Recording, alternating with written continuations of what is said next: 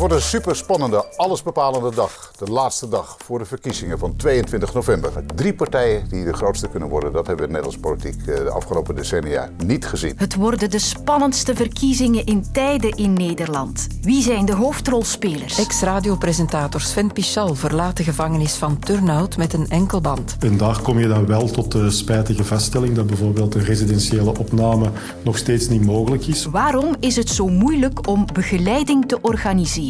En die man getuigt hier aan zijn nottos. Zeg, je ziet hier het dak. Is er een foto? Zet dat eens op. L'histoire est digne d'un film de science-fiction.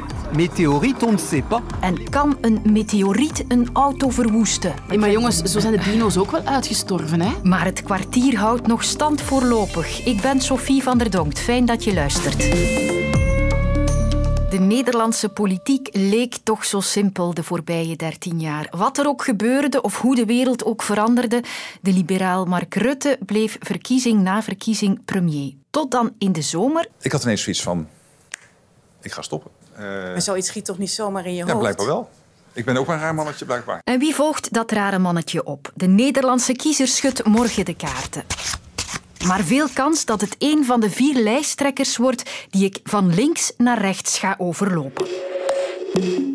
De eerste was van meet af aan duidelijk over zijn ambities. Wilt u premier worden?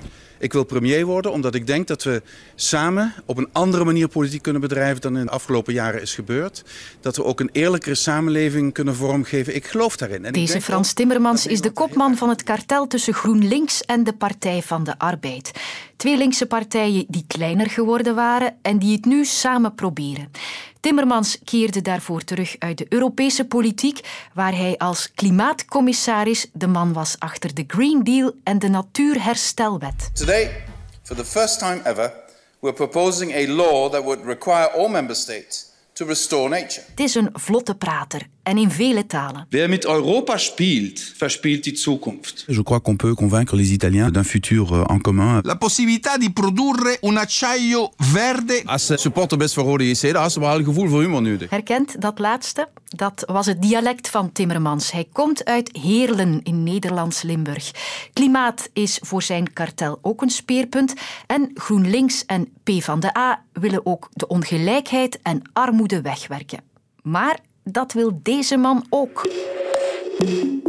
Basiszaken, goed betaalbaar voedsel, energie, zorg, woningen moeten we goed regelen in Nederland. Ik ben bij een reizende ster van de Nederlandse politiek aanbeland. Pieter Omtzigt. Hij zit pal in het centrum met zijn eigen partij. We hebben dit weekend een nieuwe politieke partij opgericht.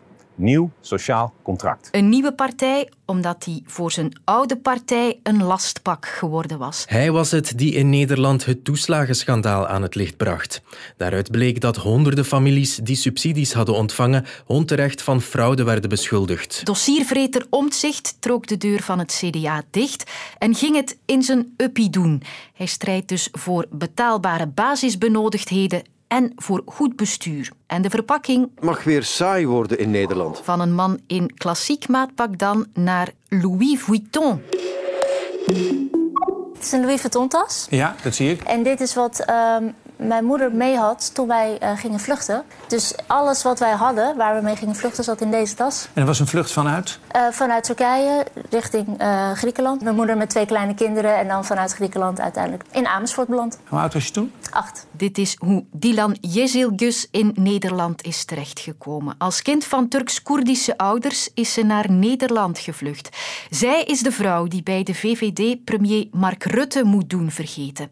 En dat ze zelf ooit vluchtelingen was, betekent niet dat ze voor de zachte aanpak is. Juist als uh, vluchteling zeg ik, als je die besluiten niet durft te nemen, dan laat je niet alleen de Nederlanders in de steek, dat is wat we nu doen, maar laat je ook die echte vluchtelingen in de steek. Ze kwam via omzwervingen bij linkse partijen bij de VVD terecht, maar is intussen rechtser dan haar voorganger Rutte. Nee, op onderdelen waarbij dat uh, nodig is, zullen we de koers ook bijstellen. En Zou er dan, wie weet, toch een samenwerking in zitten met de meest radicale van de vier lijsttrekkers? Ik laat het haar zelf uitklaren met Geert Wilders van de Partij voor de Vrijheid.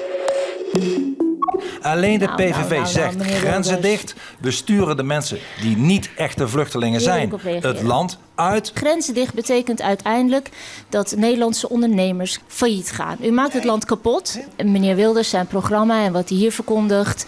Uh, ik heb daar echt helemaal niks mee. Het is echt uh, lang zoeken naar een uh, overeenkomst. Het water is nog diep. Maar hij staat dus ook weer op het voorplan. De man met de gebleekte haren, de meest ervaren politicus uit mijn lijstje. Geert Wilders, ooit begonnen bij de VVD, maar zijn radicale ideeën dreven hem daar weg. De bekendste uitwas is al bijna tien jaar geleden. Willen jullie in deze stad en in Nederland meer of minder Marokkanen? Hij kreeg al veel bedreigingen en moet al jaren als de zwaarst beveiligde politicus van Nederland de straat op. Hij klinkt wat milder, zeggen sommigen. En ja, een complimentje voor de afscheidnemende premier kon er nog vanaf. Uw keuzes waren niet de onze. Maar u bracht ze met overtuiging en dat verdient ontzettend veel respect. En ik wens u dan ook oprecht het allerbeste toe voor de toekomst. De politieke toekomst van Nederland komt wellicht in handen van Wilders, Jezil Gus, Timmermans of Omtzigt.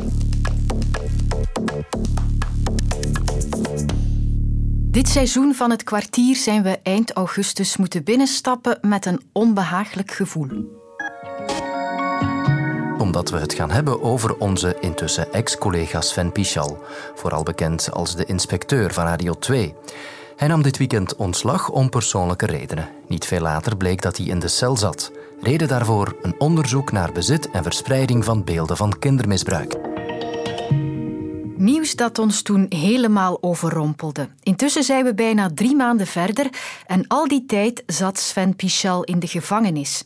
Gisteren besliste de raadkamer om hem met een enkelband naar huis te sturen. Pichal blijft in voorlopige hechtenis, voor de duidelijkheid. Zijn proces en mogelijke straf moeten nog volgen. Er wacht hem nog een heel traject. Er is natuurlijk wel een, een bepaalde opluchting, maar de weg is nog lang en ook een elektronisch toezicht thuis is een eerste stap in de goede richting, maar dat zal ook gekoppeld worden aan het volgen van een zeer intensieve begeleiding. Intensieve begeleiding, jawel. Maar met een kanttekening, merkte zijn andere advocaat op. We hebben ook vanuit de gevangenis getracht om therapie onmiddellijk buiten voor te zetten. We hebben natuurlijk privé-initiatieven, maar we hebben dat het liefst dat dat gebeurt via de erkende diensten binnen het gerechtelijk onderzoek. En daar kom je dan wel tot de spijtige vaststelling dat bijvoorbeeld een residentiële opname nog steeds niet mogelijk is, omdat er één, maar drie gespecialiseerde instellingen zijn die het liever niet doen in het kader van de voorlopige hechtenis.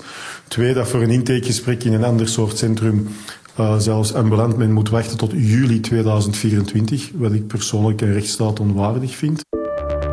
Het is een belangrijk maatschappelijk gegeven. We weten ook dat het louter opsluiten van daders niet efficiënt is. Straffen heeft zeker een functie, maar alleen straffen is niet altijd functioneel. In die zin dat er moet nagedacht worden over begeleiding en behandeling. Dit is Minne de Boek. En ik werk als criminologe voor het Universitair Forensisch Centrum in Antwerpen.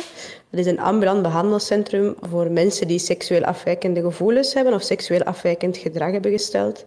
En wij zijn ook het Vlaams Steuncentrum voor de begeleiding en behandeling van seksuele daders. En ik laat haar verder vertellen waarom het zo belangrijk is om een prioriteit te maken van die begeleiding. We weten dat seksuele daders zullen terugkeren in de samenleving. Dus het is heel erg belangrijk dat we gaan bekijken van oké, hoe kunnen we die terugkeer dan veilig laten verlopen? Hoe kunnen we mensen ondersteunen, begeleiden, behandelen, zodanig dat het risico dat ze het opnieuw doen uh, verkleind wordt en we dus ook de samenleving gaan beschermen. Dus ik denk dat het met name bij seksuele daders heel erg belangrijk is om voldoende aanbod te voorzien, zodat die behandeling echt kan afgestemd worden op de noden van iemand. Op dit moment knelt daar vaak het schoentje dat we mensen eigenlijk ja, uh, niet kunnen behandelen omdat er geen beschikbare plaats of omwille van het feit dat er heel lange wachtlijsten zijn. Wat maakt dat er een lange periode is dat er eigenlijk niks gebeurt. Um, dus dat is enerzijds een probleem. Anderzijds um, knelt het schoentje ook vaak omdat we mensen uh, ja, moeten gaan behandelen met het beschikbare aanbod en dus niet per se uh, op maat van iemand of, of, of, wat nodig is om het risico op recidive zo laag mogelijk te houden. Er zijn dus verschillende soorten behandelingen afhankelijk van de situatie en de persoon in kwestie. Voor de behandeling van mensen die veroordeeld zijn voor seksuele feiten of mensen die seksueel grensoverschrijdend gedrag hebben gesteld, zijn er veertien uh, ambulante behandelingen behandelcentra in Vlaanderen erkend als gespecialiseerde centra in de thematiek. En dat wil eigenlijk zeggen dat wij therapie aanbieden voor mensen die vrij in de samenleving verblijven. Dus dat wil zeggen dat mensen naar huis gaan, maar ook wel degelijk naar ons ambulant behandelcentrum komen. Als je residentieel wordt opgevolgd, dan wil dat eigenlijk zeggen dat je voor een bepaalde periode echt in opname bent en dat dus de behandeling daar op de opnameafdeling gebeurt. En die juiste behandeling aan de juiste persoon geven, dat lukt dus niet altijd. Iemand met een lager risicoprecidive, die zal eerder nood hebben aan een ambulant traject, terwijl iemand met een hoger risicoprecidive, die zal eerder nood hebben aan een residentieel traject. Terwijl in de praktijk het heel vaak zo is dat we het moeten doen met de mogelijke behandelingen die voorhanden zijn, of met de centra waar geen wachtlijsten zijn of minder wachtlijsten zijn. En dat is natuurlijk in de praktijk niet altijd efficiënt. Het is zo dat bijvoorbeeld ook dat er voor bepaalde specifieke doelgroepen geen residentiële plaatsen zijn, dus geen opnameplaatsen zijn, terwijl sommige seksuele daders daar wel nood aan zouden hebben. Vrouwelijke seksuele daders bijvoorbeeld. Er is geen specifieke afdeling voor vrouwelijke seksuele daders. Dus als die nood hebben aan een residentieel programma, dan kunnen we daar eigenlijk in de praktijk niet altijd moeten komen.